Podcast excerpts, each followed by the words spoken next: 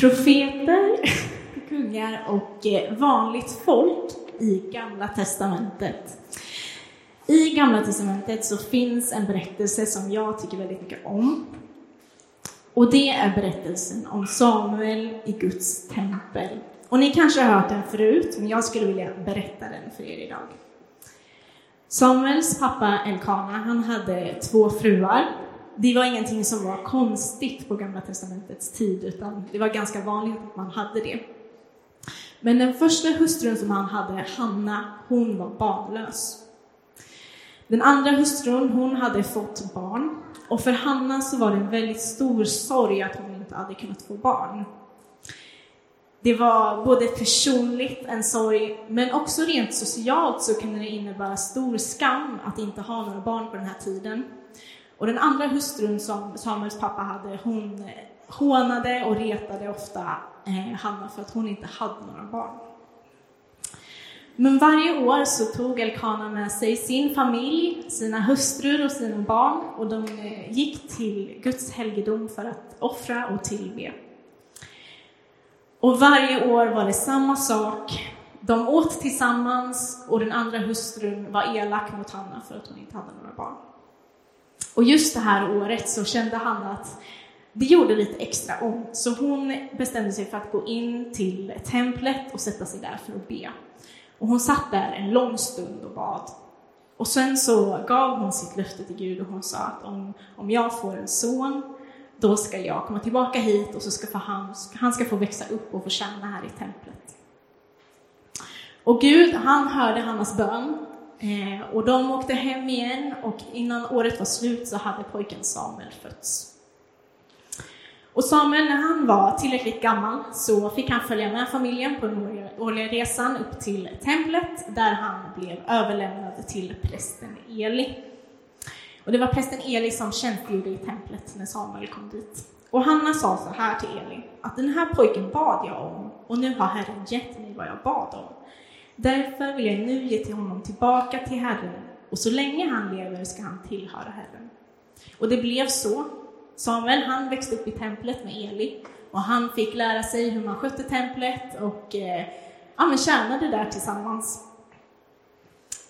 Och en natt när de ligger i templet och ska sova så händer det här som jag tycker är så, ja, men som jag tycker så mycket om med den här berättelsen.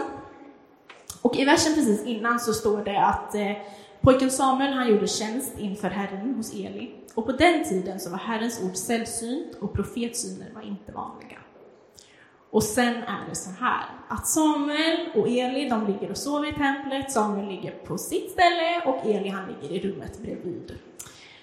Och när Samuel har somnat så vaknar han av att någon ropar på honom. Samuel, Samuel, och han eh, vaknar och så springer han in till Eli och så säger han, här är jag, vad ville du? Eh, och Eli, han tittar på honom och så säger han, jag har inte ropat på dig, gå, gå och lägg dig igen. Eh, så Samuel tänker, ja, ja, och så går han och lägger sig.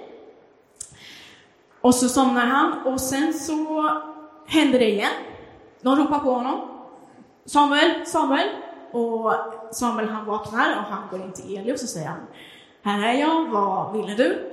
Eh, och Eli han säger att det var inte jag som ropade på dig. Eh, du får gå och lägga dig igen. Så Samuel han går tillbaka och så lägger han sig på sin plats och somnar. Men så händer det en gång till. Och Samuel han går in till Eli och han frågar Varför ropar du på mig? Och Eli fattar då att det är Gud som ropar på Samuel. Och Eli han talar om för Samuel vad han ska göra. Och han säger att Samuel, gå och lägg dig igen. Och när Herren ropar så säger du, tala Herre, din tjänare hör. Så Samuel han går tillbaka, han lägger sig på sin madrass och för fjärde gången så ropar Gud. Och då står det så här, att då kom Herren och ställde sig där och ropade som förut, Samuel, Samuel. Och Samuel svarade, tala, din tjänare hör. Och då sa Herren till Samuel. Och jag tänker inte berätta vad Herren sa till Samuel, utan det får ni läsa själva om ni vill veta. Men för mig så finns det ett par saker som jag tar med mig och som jag kan lära mig om mig själv, om Gud och om att höra hans röst i den här berättelsen. Och en sak som jag ständigt slås av när jag läser eller får höra den här berättelsen bli berättad för mig är att Samuel, han känner inte igen Guds röst. Och det var ju som sagt ovanligt att Gud talade på den här tiden till specifika personer. Så Samuel, han kanske aldrig liksom hade hört Guds röst innan. Och kanske så var det så att han liksom inte riktigt eh, förväntade sig att Gud skulle tala till just honom. Men Samuel tror också att det är Eli som ropar på honom. Och Samuel han har växt upp i templet. Varje dag har han varit med Eli. Eli har lärt honom hur man läs, låser upp dörrarna, hur man bakar skådebrödet, hur man sköter templet. Han har liksom tittat på Eli, han har liksom varit varje dag med honom. Och han borde ju rimligtvis veta hur Eli låter när han pratar. Men han förväxlar Elis röst med Gud. Och jag tänker att en av de saker som hindrar oss från att höra Gud tala är att vi inte känner igen Guds röst. Att vi förväxlar den med andras röster. Att vi eh, ja, men inte förstår att det är Gud som talar. Eller att vi kanske inte förväntar oss att han ska tala till just oss. Men jag tror att när vi lär känna Gud så lär vi också känna hans röst. Och det tror jag är extremt viktigt i våra liv i efterföljelse. När vi pratar om kristen tro så hör vi ofta att kristen tro det är en relation och inte en religion. Men en relation går ju ut på att det är i alla fall två personer som känner varandra. Och om bara den ena personen känner den andra så kanske vi inte skulle klassa det som en relation. Så jag tror att för att liksom Gud, han känner ju oss och han vet precis vilka vi är. Men för att vi ska kunna höra honom och känna igen hans röst så måste vi också lära känna honom. Och jag tänker också att Samuel gör någonting i det här som är avgörande för att lära känna Gud men också för att få höra hans röst. Och det är att han gör sig tillgänglig för att Gud ska kunna tala. Och Samuel han levde under en tid när Guds ord var ovanliga. Det är bara ett par personer innan berättelsen om Samuel som har fått höra Guds röst och fått tala med honom. Och det var liksom ovanligt med profetiska syner, men efter och under liksom Gamla testamentets gång så kan vi se hur det framträder profeter och människor som får tala med och höra från Gud. Och i Nya testamentet då kommer Gud själv till oss och blir människa för att möta med oss, för att ha en relation med oss. Och Gud, han kommer ner och han gör sig själv tillgänglig för oss. Och om vi då ska lära oss liksom, och göra oss tillgängliga för Gud och lära känna honom, hur gör vi det bäst? Jag tänker att det finns jättemånga olika sätt att göra det på. Men jag har ett par saker som har varit ja, men, avgörande för att kunna lära känna Gud och lära känna hans röst. Och eh, jag skulle vilja dela med mig av dem och jag hoppas att det kan få bli en bra liksom, påminnelse för dig som är här idag.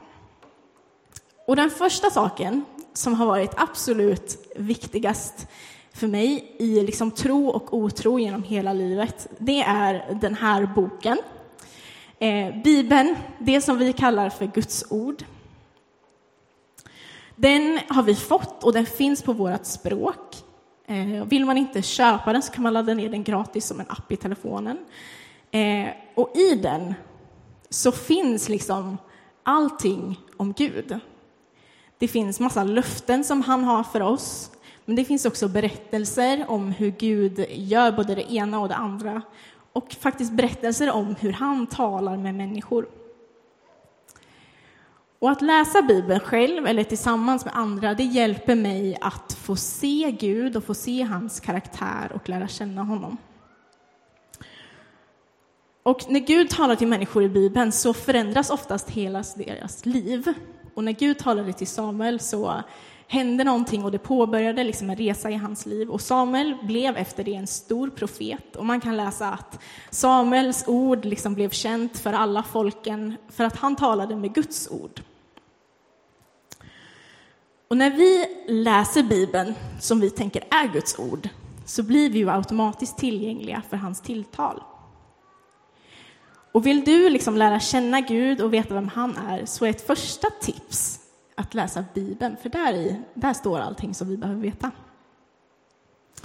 Och den andra saken som har varit avgörande är att eh, umgås med människor som känner Gud och som har hört hans röst. Det kan vara att gå och fira gudstjänst.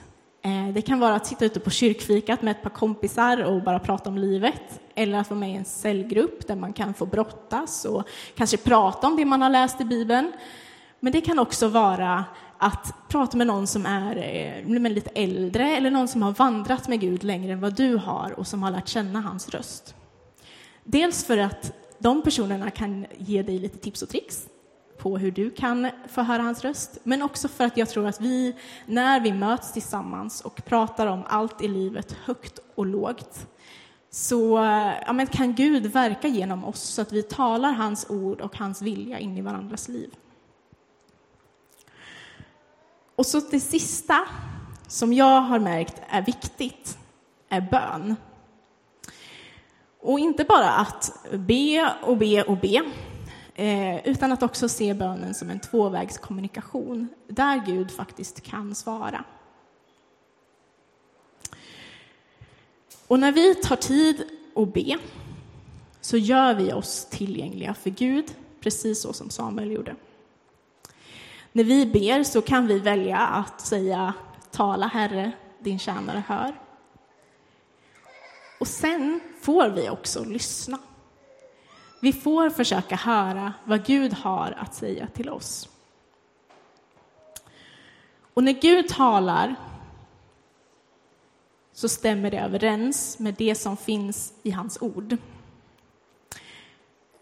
Och det Gud säger till dig stämmer alltså överens med det som står i Bibeln. Och då kan vi ju lyssna till Gud på flera olika sätt. Vi kan lyssna genom att vara tysta. Vi kan lyssna genom att läsa.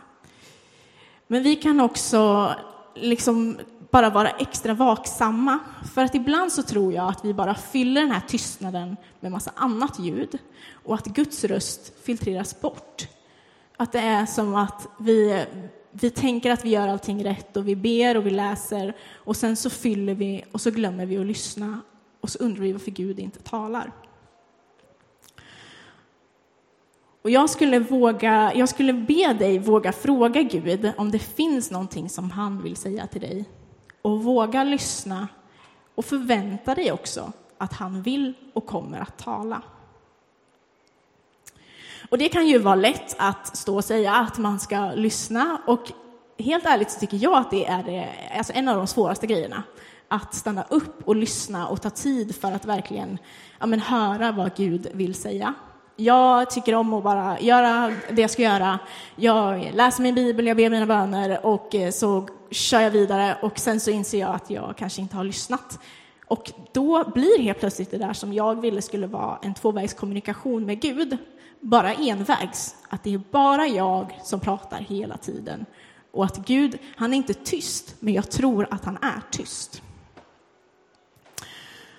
Och jag har funderat lite på vad, det, vad, alltså vad, vad innebär det att liksom ha en konversation med Gud. Och ibland så har jag kompisar som säger att de tar en kaffe med Gud. Så de gör sig själva en kopp kaffe och så sätter de sig vid sitt eh, bord och sen så dricker de sitt kaffe och pratar med Gud. Och jag tänkte, ja men det, det låter ju som en kul grej. Eh, så jag testade det där och upplevde ingenting. Och så tänkte jag, jaha, eh, det funkade inte. Och sen så, man hör folk som berättar olika saker som de har gjort och man testar det som de har gjort. Men ibland så känns det som att ingenting funkar. Och så började jag tänka på vad som skulle funka för mig. Och så började jag att skriva dagbok. Eh, och i min dagbok så skriver jag om saker som jag fastnar för i min bibelläsning. Jag eh, skriver om sånt som människor säger till mig av uppmuntrande ord eller uppmuntrande ord som jag får till mig i undervisning. Jag skriver om högt och lågt, sånt som spelar roll och sånt som inte spelar roll. Jag skriver om det jag brottas med, om det jag är arg på, eh, om allt, allt möjligt. Och när jag började göra det så kunde jag också börja se hur Gud började svara och hur han rörde sig och rörde över mitt liv. Hur han talade i det som jag tyckte var stort och hur han talade i det som jag tyckte var smått. Och hur han liksom talade ibland genom ord som jag själv skrev, som jag sen fick läsa igen och påminna mig själv om. eller hur han talade genom andra människors ord till mig. Och jag fick se det och hur han svarade svart på vitt. För det var ju där, bläck på papper.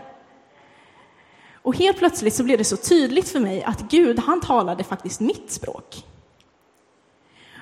Och jag skulle vilja uppmuntra dig att fundera över vad som är ditt språk som du talar på med Gud. Och ditt språk kanske inte är att skriva, precis som mitt språk inte var att ta en kaffe med Gud. Men ditt språk kanske är i musik, kanske är i bilder, kanske är i samtal med andra eller genom drömmar. Och kanske hör du Gud bäst ute i naturen på en promenad.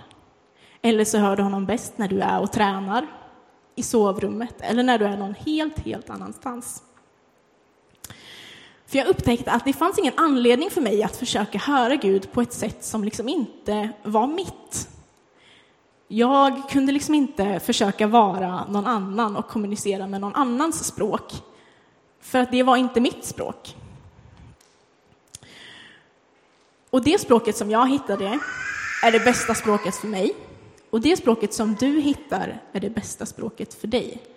Det finns inget bättre eller sämre språk, utan det språket som du hör Gud tala på för dig närmre Gud och gör att du lär känna honom. Och det språket är absolut bra nog. Samuel kände inte igen Guds röst, förmodligen för att han inte hade hört den förut. Eller så hade han kanske inte försökt lyssna på den. Och när Eli förstår att det är Guds röst som Samuel hör så säger han inte till Samuel att så här, okej, okay, eh, du måste tända alla ljus i templet eh, och så måste du böja knä och så måste du sitta och vänta på att Gud ska komma och tala. Utan han säger, gå och lägg dig. Och när han talar, precis där du är, så be honom att tala för att du lyssnar.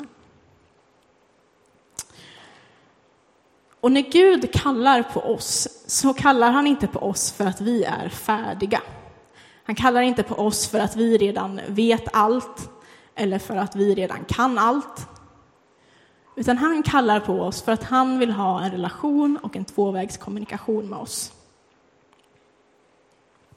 Och han gör det på olika sätt i olika tider i våra liv. Och han kallar för att han vill leda oss på sina vägar, för att han vet vad som är bäst för oss.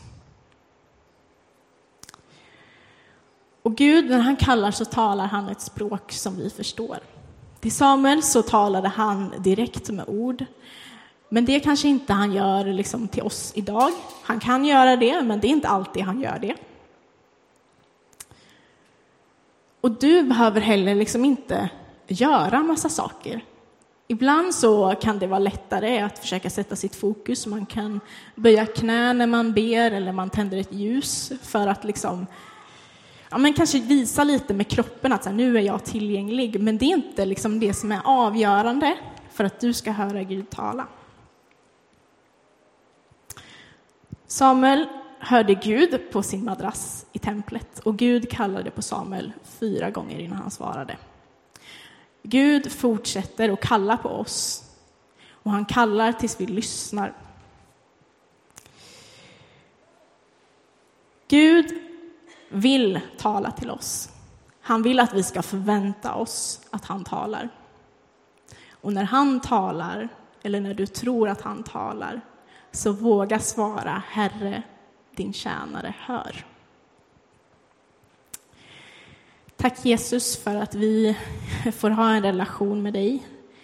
Tack för att det är liksom en, en tvåvägskommunikation som du vill ha med oss. Du vill inte bara att det ska vara du som talar eller att det bara är vi som talar, utan du vill ha en dialog med oss. Och jag ber att du kommer och möter med oss här i rummet, att vi ska kunna få höra dig tala, kanske för hundrade gången eller för första gången idag. Du ser vad, vad vi bär på. Du ser om vi är besvikna på att du alltid är tyst. Eh, du ser om vi längtar efter att få höra dig tala Och du ser om vi inte ens tror på att du kan tala till oss. Och jag bara ber att du kommer och river bort allt tvivel och allting som skiljer oss från dig. Låt oss få se dig och låt oss få höra din röst. Tack för att du är en god Gud som älskar. Tack för att du vill möta med oss. Låt oss idag, precis som Samuel gjorde, säga att tala Herre, din tjänare hör. Låt oss få göra oss tillgängliga för dig och lära känna dig ännu lite till idag. Tack för att du är vår Gud och för att du är oss nära. Vi ber om det i ditt namn. Amen.